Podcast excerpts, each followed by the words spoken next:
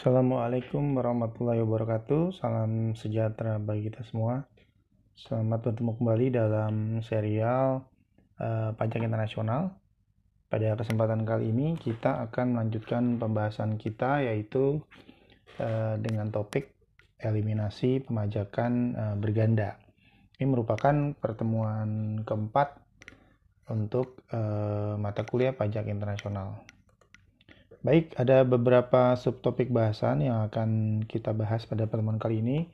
Anda semua bisa sambil uh, mencermati atau melihat handout yang telah dibagikan. Nah, jadi uh, kita review kembali sebetulnya pemajakan uh, berganda itu bisa dibagi menjadi dua ya. Ada pemajakan berganda secara ekonomi dan pemajakan berganda secara yuridis atau dari aspek legal. Untuk pemajakan berganda ekonomi telah kita bahas di pertemuan yang lalu. Ya. Kali ini eh, kita akan coba melihat kembali apa sih sebetulnya pemajakan berganda yuridis itu. Ini dikutip dari eh, Arnold tahun 2016. Eh, dia mengatakan bahwa imposition of income taxes by two or more sovereign countries on the same item of income of the same taxable person for the same period. Atau kalau kita terjemahkan secara bebas ya, eh, pemajangan perganda yuridis ini adalah pengenaan PPh oleh dua atau lebih otoritas pajak untuk objek pajak yang sama atas subjek pajak yang sama dan pada uh, periode yang sama. Jadi uh, ini disebut dengan pemajakan berganda secara yuridis ya. Oke nah uh, sekarang persoalannya adalah bagaimana untuk uh, apa namanya mekanisme yang bisa digunakan untuk menyelesaikan pemajakan berganda secara yuridis ini ya untuk bisa membebaskan agar subjek pajak tidak uh, merasa bahwa dia membayar atau me, apa namanya me, ya membayar ya atau dikenakan pajak dua kali oleh otoritas pajak yang berbeda ya. Yang pertama uh, ada metode deduction, kemudian yang kedua metode exemption atau pembebasan, pembebasan. Yang ketiga metode kredit ya. Kredit. Nah, ini di pertemuan yang sebelumnya juga sebetulnya ini sudah sempat kita singgung ya. Eh, kita sudah perkenalkan apa itu deduction method, exemption method dan credit method. Anda bisa melihat kembali materi atau pembahasan yang telah kita bahas di pertemuan yang lalu. Nah, kita langsung uh, ambil contohnya. Anda bisa melihat di handout uh, pertemuan keempat ya di halaman 4. Ya, ini contoh dari deduction method. Jadi dalam deduction method itu PPh terutang di negara sumber akan mengurangi penghasilan dari luar negeri yang dipajaki secara domestik atau uh, dengan kata lain mengurangi worldwide income ya. Nah, cuma deduction method ini memang implementasinya atau memiliki konsekuensi tidak sepenuhnya mengeliminasi pemajakan berganda ya.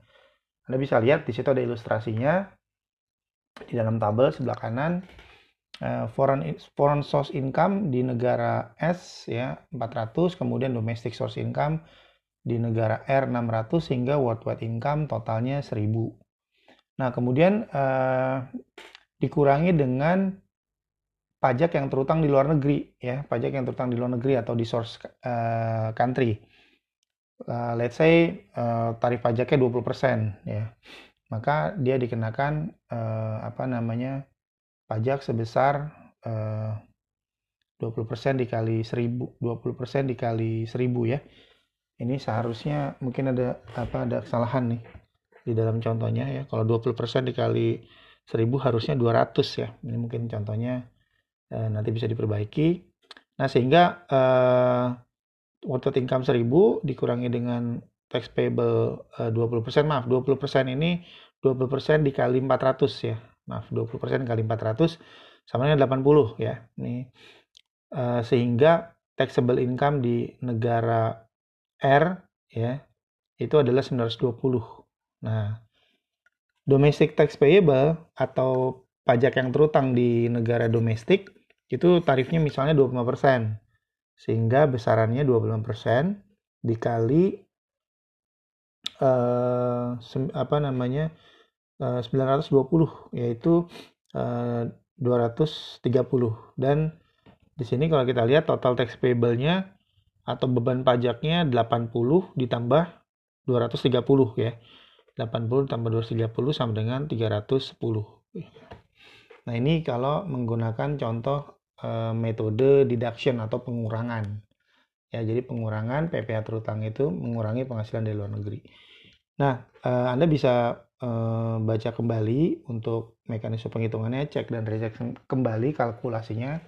Ya, mungkin di apa namanya di tabelnya bisa dilihat. Nah, kemudian untuk metode exemption atau apa namanya pembebasan, ini prinsipnya gini untuk metode pembebasan, mengecualikan penghasilan yang bersumber dari luar negeri dalam pemajakan uh, secara domestik. Dan dia ini berbeda dengan deduction. Kalau deduction tadi tidak sepenuhnya mengeliminasi, justru di metode exemption ini mengeliminasi sepenuhnya pemajakan berganda akibat source resident conflict dan dia uh, bersifat equivalent to territorial system ya. Ini contohnya ada di uh, halaman 5 ya di hands-out pertemuan keempat. Nah, kita lihat di sini uh, pengenaan pajak progresif di negara R ya. Misalkan uh, penghasilan sampai dengan 500 itu tarifnya 25%, kemudian penghasilan di atas 500 sampai 1000 dikenakan tarif 35 ya. Tarifnya bersifat atau dengan kata lain bersifat progresif. Nah, ini uh, full exemption contoh. Asalnya perusahaan atau wajib pajak dia memiliki penghasilan dari luar negeri, foreign source income di negara S itu sebesar uh, eh, 200 ya, source income. Kemudian uh, dia punya domestic source income di negara R itu 400 sehingga worldwide income-nya 600. Nah, dikurangi dengan foreign source income. Ya, foreign source income itu uh, sebesar 200 ya. Kemudian uh, taxable income di negara R akan menjadi uh, 400 ya. Jadi yang foreign source income-nya dikurangi. Ini kalau model metode exemption. Jadi dia tidak memperhitungkan penghasilan yang berasal dari luar negeri. Yang dihitung hanya penghasilan dari uh, dalam negeri atau domestik saja. Nah, kemudian domestic tax payable-nya 25%, maka 25% dikali 400 sama dengan 100. Kemudian foreign tax payable-nya 20% ya. 20% eh, dikali 200 sama dengan 40 sehingga total tax payable 140 ya. 140 ini berasal dari 100 tambah 40. Nah, ini kalau kita eh, menggunakan pendekatan full exemption, artinya pembebasan secara penuh ya. Nah, sedangkan kalau exemption with progression atau pembebasan dengan progres eh, pendekatan progresif, eh, contohnya di sini ya dijelaskan taxable income di negara R itu 400, kemudian domestic tax payable-nya 35%. Ya, kenapa dia kenanya 35%? Karena total income-nya sudah di atas 500 sampai 1035. Jadi kena tarifnya uh, 35 bukan 25% lagi ya. Sehingga 35% dikali 400 ya. Kali 400 sama dengan eh, 140. Kemudian eh, foreign tax payable-nya eh, masih sama 20% dikali eh, 400 eh dikali 200 maaf karena foreign source income 200 200 dikali 20% sama dengan 40 sehingga total tax payable yang menjadi beban uh, si wajib pajak menjadi 140 ditambah 40 yaitu 180 atau dengan kata lain kalau kita lihat atau kita bandingkan antara penggunaan full exemption dengan exemption with progression akan uh, menghasilkan jumlah beban pajak yang lebih besar di metode atau pendekatan exemption with uh, progression. Nah, kemudian pendekatan yang ketiga credit method. Sebenarnya credit method ini Prinsipnya PPh terutang di negara residen atas worldwide income dikurangi dengan uh, eh, PPh terutang di luar negeri atas penghasilan yang bersumber di luar negeri dan dia mengeliminasi sepenuhnya pemajakan berganda akibat uh, source resident conflict ya. Nah ini juga sama nih uh, credit method ini ada dua ada dua uh, apa namanya cara ya yang pertama full credit sama ordinary credit. Nah, kalau kita lihat di sini yang full credit ya, misalnya foreign source income itu 400, kemudian foreign tax-nya tarifnya 30%, uh, maka 30% kali 400 ya 120, kemudian si wajib pajak punya domestic source income 600, worldwide income-nya totalnya 400 ditambah 600 sama dengan 1000. Nah, kemudian uh, di do, di domestik uh, tarifnya itu 25%, ya 20% berarti worldwide income dikali 25% sama dengan 20% dikali 1000 ya jumlahnya 250 kemudian di luar negeri kan dia sudah bayar pajak nih tax credit ya tax creditnya tadi 120 sehingga dia di dalam negeri itu hanya tinggal membayar selisihnya saja. 250 dikurangi dikurangi 120 sama dengan 130 jadi si wajib pajak ini di dalam negeri dia hanya membayar sisanya 130 ya. Artinya dengan yang full kredit ini, wajib pajak itu boleh mengkreditkan seluruh pajak, seluruh PPh yang sudah dibayarkan di luar negeri. Nah, sedangkan kalau yang ordinary uh, credit itu dia mengenakan uh, maksimum creditable amount. Jadi uh, membandingkan mana yang lebih mana yang lebih kecil angkanya ya antara perbandingan Eh, penghasilan yang dihasilkan di luar negeri dengan total worldwide income dibandingkan dengan besarnya PPh yang sudah dibayar ya. Jadi kalau dengan yang ordinary credit di kolom yang ketiga ya atau yang paling kanan di situ kelihatan uh, untuk yang ini masih sama ya, foreign source income sama-sama 400, foreign tax-nya 120, domestiknya 600. Nah, perbedaannya di foreign tax credit. Jadi di foreign tax credit kalau full credit itu 120-nya boleh dibebankan, ya tapi kalau menggunakan ordinary kredit ini hanya sebagian yaitu hanya 100 dari mana 100 dapatnya 100 itu diperoleh dari dari perhitungan foreign income. Foreign income dibagi dengan worldwide income dikali domestic tax payable dikali PPh terutang ya. PPh terutang kita dapat angka 400 per 1000 dikali 250 sama dengan 100 jadi yang bisa dikreditkan ini dengan ordinary credit hanya 100 dan uh, Indonesia uh, menggunakan pendekatan yang ini, pendekatan yang ordinary credit. Artinya tidak semua PPh yang dibayar di luar negeri itu boleh jadi kredit pajak ya. Anda bisa buka uh, pasal 24 Undang-Undang uh, PPh. Oke, nah kemudian ada uh, limitation atau pembatasan dengan metode kredit. Ya, ada ada beberapa di sini ada apa namanya? Ada country by country, item by item, ada no limitation ya. Anda bisa lihat sendiri ilustrasinya ya.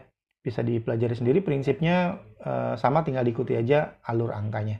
Nah, kemudian kita juga mengenal ada istilah tax pairing credit. Ini konsep tax pairing ini agak unik.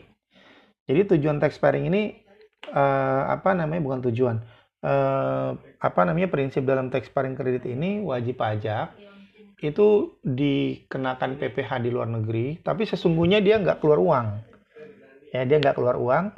Nah, namun dia boleh diperhitungkan sebagai kredit pajak di negara domestik.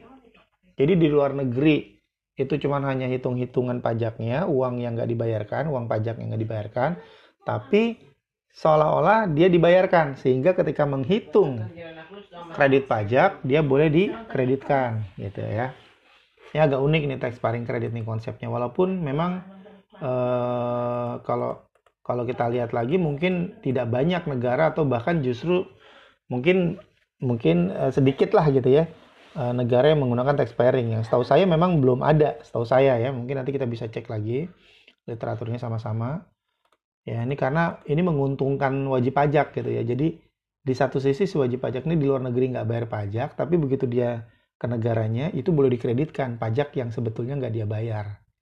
Ya nah kemudian e, contoh kasusnya bisa dipelajari di e, slide nomor 13 nah kemudian e, pokok bahasan berikutnya. Eliminasi pemajakan berganda ini bisa dilakukan secara bilateral atau multilateral dan juga secara unilateral. Ya kayaknya di dalam pertemuan yang lalu yang ketiga kalau nggak salah kita udah bahas bahwa kalau penyelesaian secara unilateral itu dengan uh, ketentuan domestik masing-masing negara nah, di Indonesia misalnya undang-undang PPH tuh undang-undang PPH memberikan uh, solusi untuk mengeliminasi pemajakan berganda yaitu dengan cara pengkreditan pajak. Ya, cuman pengkreditan pajak di Undang-Undang PPA itu terbatas, ya nggak nggak full kredit. Nah, sedangkan kalau untuk yang penyelesaian secara bilateral atau multilateral, ini kesepakatannya uh, antara dua atau lebih negara atau yuridiksi, misalnya dengan tax treaty atau perjanjian penghindaran pajak berganda. Oke, kita lanjutkan uh, ke sub pokok bahasan ketentuan terkait eliminasi pemajakan berganda melalui P3B ya di halaman 18. Ada ketentuan tie break rule untuk dual resident, kemudian pengaturan mekanisme relief, mekanisme corresponding adjustment, mutual agreement procedure, dan arbitrase. Kita masuk. Apa sih sebetulnya yang dimaksud dengan tie break rule? Tie break rule ini uh, tie break rule ini adalah suatu mekanisme atau cara untuk memutuskan apakah seseorang ini merupakan residen di suatu negara atau tidak ya. Jadi bisa jadi ada seorang yang dia berdasarkan ketentuan negara A, dia adalah residen negara A. Tapi kalau pakai aturan ketentuan negara B, dia bisa jadi residen negara B. Nah, untuk penyelesaiannya menggunakan pendekatan tiebreaker rule namanya untuk dua residensi. Kenapa ini penting? Karena ini untuk menentukan apakah dia betul-betul residen yang berhak memanfaatkan fasilitas tarif yang ada dalam tax treaty. Ya. Oke, kita akan uh, lanjutkan ya. Tadi kita sudah bahas kredit pajak luar negeri ya. Nah, jadi untuk pengkreditan pajak luar negeri di pasal 24 Anda bisa mempelajari ada di uh, pasal 24 termasuk di penjelasannya bagaimana cara perhitungannya ya. Anda nanti bisa baca uh, sendiri. Baik. Saya kira untuk uh, pertemuan yang keempat uh, kita bisa cukupkan ya silakan pelajari kembali ya mungkin uh, ada kalimat saya yang kurang pas ya atau kurang tepat nanti bisa dicek dipastikan lagi ke sumbernya ke literaturnya ya sampai bertemu lagi. Terima kasih atas uh, perhatian anda. Selamat belajar. Wassalamualaikum warahmatullahi wabarakatuh